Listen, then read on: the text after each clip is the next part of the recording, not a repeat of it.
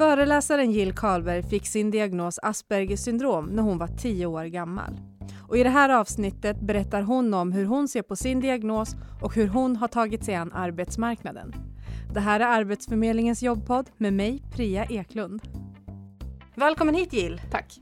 Jag har ju bjudit in dig idag för att vi ska prata om hur det är att söka jobb när man har Aspergers syndrom. Precis.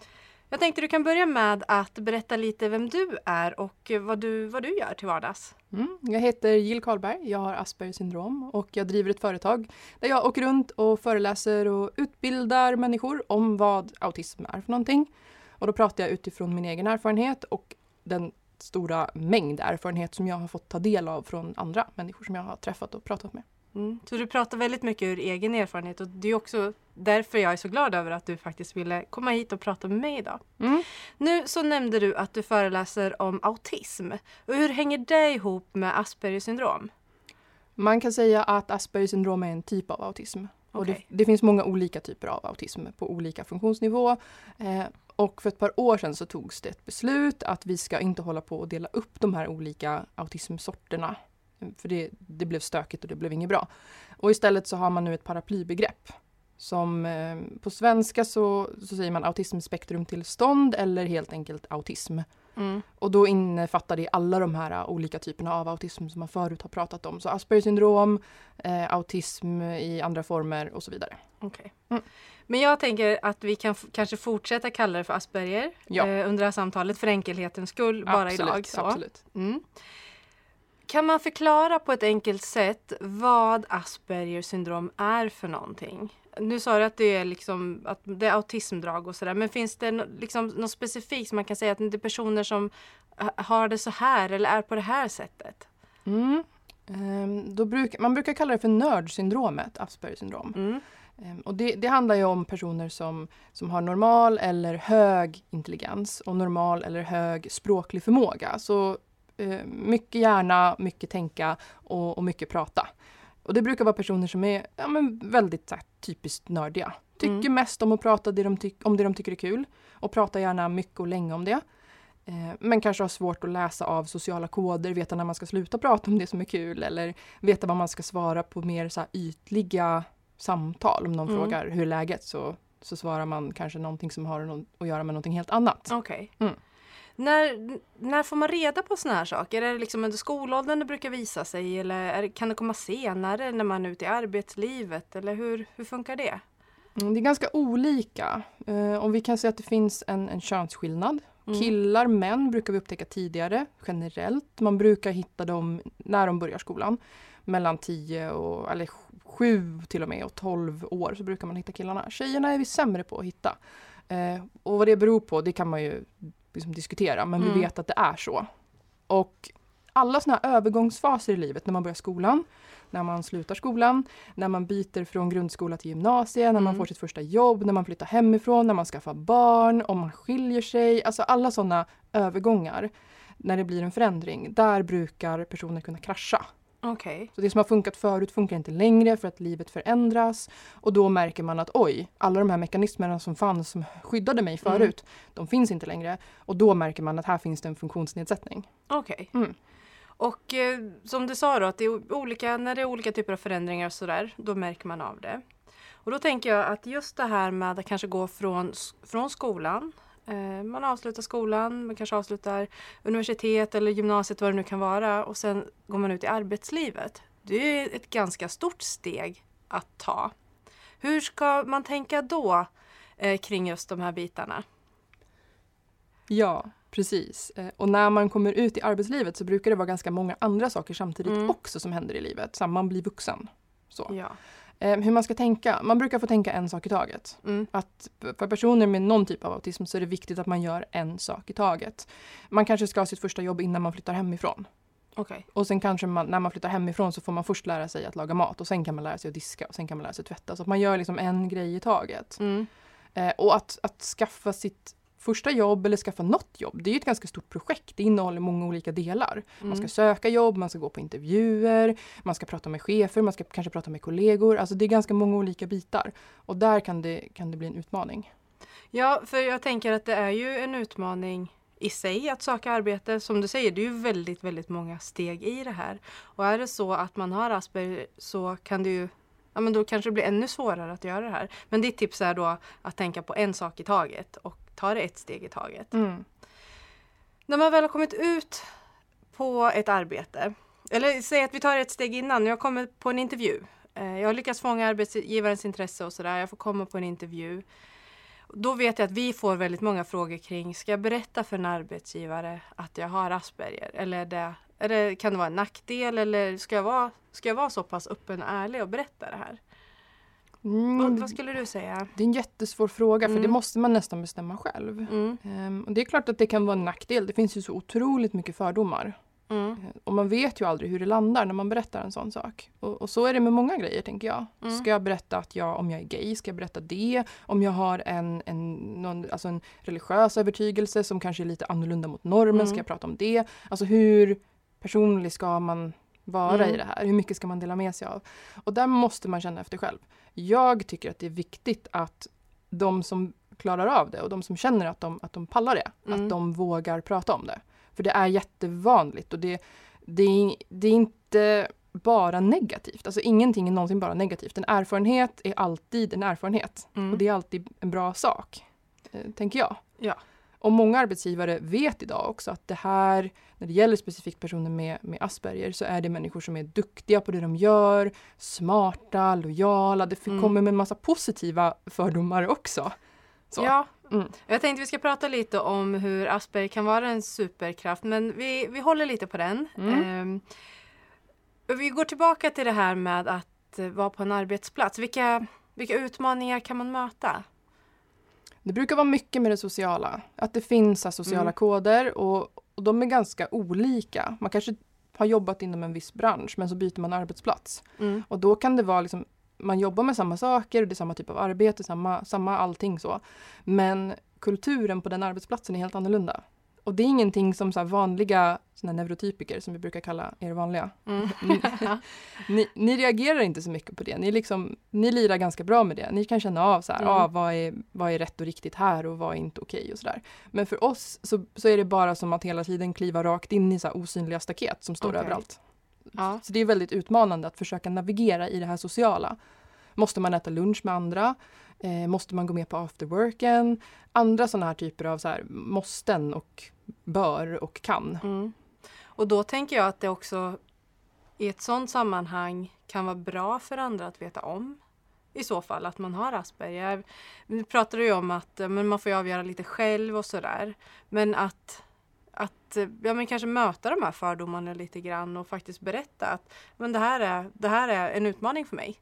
Eh, kan man göra det? Är det, är det liksom är det, är det en bra väg att gå för att få mer förståelse från andra? För Jag risken annars det. är ju att man hamnar Ja. utanför. Eller Ja men visst. liksom så. Ja. Och människor brukar söka en förklaring. Alltså det är så Mm. människor gör. Vi söker förklaringar på saker. Och väl, alltså de allra flesta, de säger att det är skönt att få veta. Då Mm. har de fått en förklaring, de kan förstå lite bättre. Ehm, och ju yngre en arbetsplats är, desto Mm. mer positivt brukar det vara att man vågar prata om annorlundaskap. Mm. Så det brukar för de flesta vara en bra upplevelse. Men jag tycker att det är viktigt att inte lägga press på någon att du måste Nej. berätta. Är, man har ingen skyldighet att göra det. Nej. Men det kan underlätta jättemycket. Eh, och många gånger så brukar folk märka det. Mm. Alltså det märks ofta. Och har man stora sociala problem då brukar folk ganska direkt tänka så här, ja ah, men det kanske är en person med någon typ av autism eller så. Mm. Och om man då berättar det och är öppen om det så kan man på ett helt annat sätt prata om problemen och, och styrkorna. Mm. Så, och det är bra, öppenhet är bra. Ja men det, det låter ju jättebra. Säg att jag har Asperger. Jag väljer att berätta för en arbetsgivare att eh, så här är läget. Jag har Asperger. Det här är mina utmaningar. Eh, arbetsgivaren vet ju förhoppningsvis att jag är jätteduktig på väldigt, väldigt mycket annat. Hur kan en arbetsgivare stötta mig i det här tror du? Liksom det här med det sociala och så. Eh, för det, det verkar ändå vara där som liksom den stora utmaningen ligger. Mm, det är inte bara det. det. Det kan vara mycket med själva arbetsuppgifterna också. Mm, Okej. Och stresskänsligheten som Mm. finns hos många med Asperger. Och det här behovet av rutiner och ordning och reda. Det måste vara ganska fyrkantigt. Mm. Det får inte vara för, eh, för luddigt, för fluffigt, för mycket egen kreativ eh, liksom utformning Okej. på själva arbetsplatsen och så. Utan det måste Mm. vara ganska så här, strukturerat för att det ska funka bra oftast. Mm. Ehm, och där kan ju arbetsgivare göra mycket praktiskt. I hur man skriver instruktioner, alltså hur man pratar, hur man lägger upp strukturen i arbetsfördelningen. Egentligen ganska enkla saker. Det är jätteenkla stora saker hela. och det är saker som är bra för alla. Ja. Så. Och jag har träffat ganska många chefer som säger så här, ah, men det här med hur man bemöter personer med autism, det är ju bra för alla som man har anställda. Ja. Så. så det är inget konstigt egentligen. Nej. Men man kan säga att andra personer kanske klarar sig ändå. Mm. Men för oss så är det nödvändigt för att arbetet ska fungera, att det finns den här tydligheten och, och så. Så en ganska liten sak som en arbetsgivare kan göra men som betyder väldigt, väldigt mycket. Ja, För egentligen hela arbetsgruppen. Ja. Men framförallt för den personen som har Asperger i Ja. arbetsgruppen. Ja, det låter ju som ett toppentips till arbetsgivare i alla fall. ja. Vi var inne lite på det, du var inne lite på det, det här med eh, allt positivt som kommer också med Asperger. Att det faktiskt är en superkraft. Skulle du vilja utveckla det lite mer? Det finns ju de som vänder sig emot det här användandet av superkraft. För Ja. att det är ju fortfarande en funktionsnedsättning. Ja. Så, så är det ju. För annars så får man inte en diagnos. För att få en diagnos då ska man ha stora svårigheter i vardagen. Det, det är också Mm. viktigt. För många kan känna igen sig i alla de här egenskaperna. Och det är ju mänskliga drag så det är inget konstigt. Men det ska vara ett, ett hinder för en. Mm. Så, eller, För att få själva diagnosen. precis. Ehm, och det är viktigt att komma ihåg. Men det är också viktigt, tänker jag, att man nyanserar den här bilden. Att det är positivt och negativt. Det, det finns liksom både och. Mm. Sen beror det ju helt på vilka kriterier fyller just den här personen. För vi är väldigt olika. Vi som har de här diagnoserna, vi är så himla olika varandra. Mm. Eh, och beroende på hur man är som person, beroende på när man har fått sin diagnos, beroende på hur mycket stöd man har fått och så vidare. Så kan det se väldigt olika ut. Det är jätteviktigt att tänka på också, tänker jag utifrån att man inte ska se det som att men, det här yrket passar personer med Asperger eller det här passar den här typen av människor. Så här. För det kan ju bero på så väldigt mycket annat också, Mm. kanske sen hur man är när man kommer ut på arbetsmarknaden. Mm. Ja, men, så här, många personer med, med Asperger gillar ju programmering och vi är Mm. väldigt duktiga så här, programmerare för det handlar mycket om att se detaljer, det handlar om att det är mycket stora mängder data, det handlar om att se logik, sammanhang och så är det inte så socialt oftast utan det är Mm. man sitter själv med det här. Men jag råkar vara en person med Asperger som inte klarar av siffror. Okej. Alltså jag kan inte siffror, jag fattar inte, jag fattar inte matte. Nej, Och det, om man skulle sätta mig och koda någonting, det skulle bli helt, alltså det skulle inte så du är ingen programmerare Nej, helt enkelt? men däremot är jag duktig på att leta efter samma typer av strukturer och Mm. kopplingar och logik i mänskligt beteende. Mm. Vilket gör att jag är en ganska bra eh, liksom, jag är en ganska bra ledare för att jag ser vad människor gör, jag ser varför de gör det. Ett av mina specialintressen är psykologi. Mm.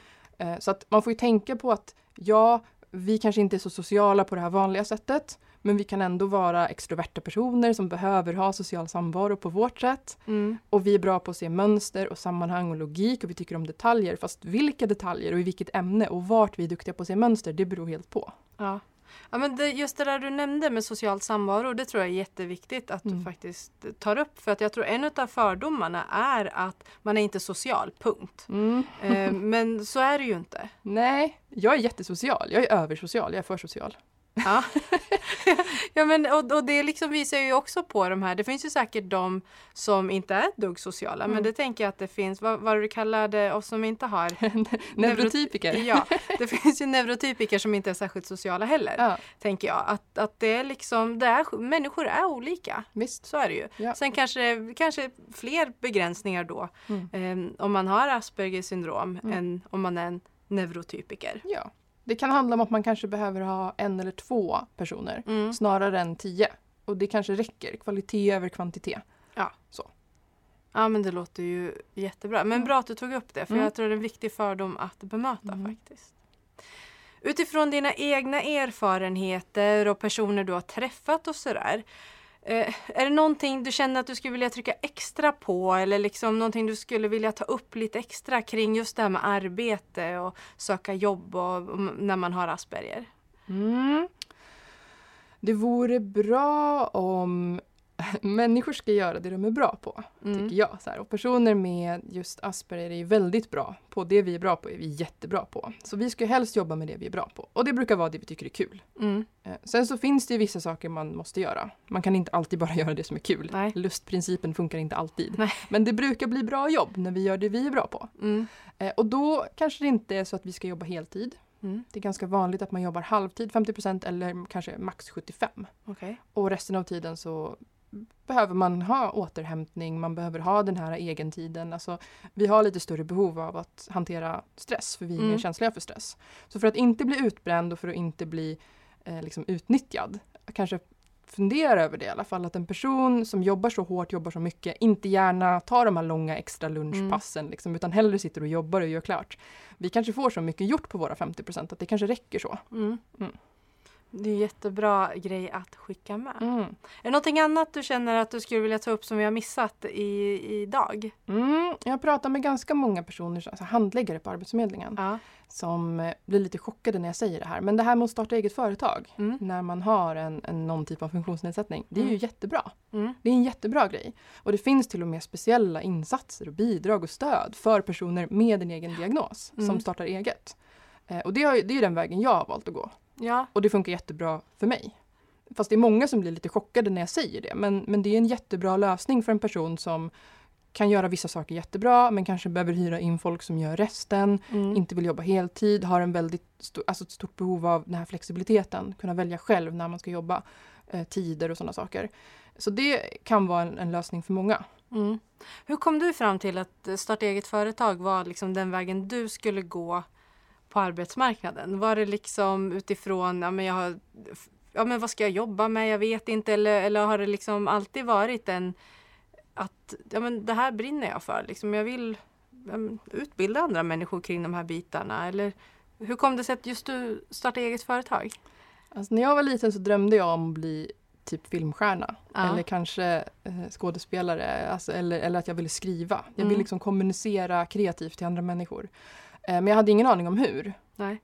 Och jag gick utbildningar som hade att göra med så journalistik och sånt. Men jag hittade inte riktigt rätt förrän jag råkade få ge en föreläsning. För att jag blev tillfrågad. Kan du komma och prata lite om det här? Mm. Och så gjorde jag det. Och det gav så himla mycket. Så jag märkte verkligen att de här lärarna som jag pratade med, de fick ut så mycket av att bara höra mig säga, för mig, helt uppenbara saker. Mm. Ehm, typ så här, det är bra när ni är ärliga med vad ni menar. Det känns som en ganska uppenbar sak. Så. Men Ja. det ger jättemycket när jag säger det till människor. Och eh, sen så försökte jag att jobba lite så här ihop med andra och göra det här. Mm. Jag gick en utbildning i hur man föreläser och jag lärde mig om, om autism och om neurotypiker för att kunna Ja. jämföra. Så här. Och någonstans längs med den här processen, det var ganska mycket konflikter. Jag är inte så himla bra på att samarbeta med andra. Okej. Eh, Det är inte min starkaste sida. Nej. Jag är ganska bestämd, jag kan vara ganska otrevlig, jag är ganska så här att det ska vara på mitt sätt och jag har Mm. svårt att se andra människors behov om jag inte tänker efter. Mm. Ehm, och det, det blev inte så bra. Och då Nej. tänkte jag så här, men vad gör man då om man inte klarar av att ha en chef som ska bestämma när man ska göra saker? Då får man ju bli sin egen chef och då får man ju starta ett eget företag. Ja. Ja. Så det var på den vägen det var? Ja. Alltså. ja. Så, så här, hur löser jag det här problemet? Hmm, Okej, men jag provar att starta eget. Mm. Och det var då jag lärde mig att det finns ganska mycket stöd för personer som, som väljer att göra så. Mm. Jättebra att du lyfter det också. Mm. Jill, det har varit jätteintressant att prata med dig idag och jag hoppas att vi kan ta ett samtal igen framöver om de här bitarna. Tack Ja. för att du kom hit idag. Tack för att jag fick komma. Du har lyssnat på Arbetsförmedlingens jobbpodd med mig Priya Eklund. Veckans gäst var föreläsaren och utbildaren Jill Karlberg. Inspelningsansvarig var Mikael Johansson. I nästa veckas avsnitt av jobbpodden så kommer du få reda på mer om vårens viktigaste val, högskolevalet.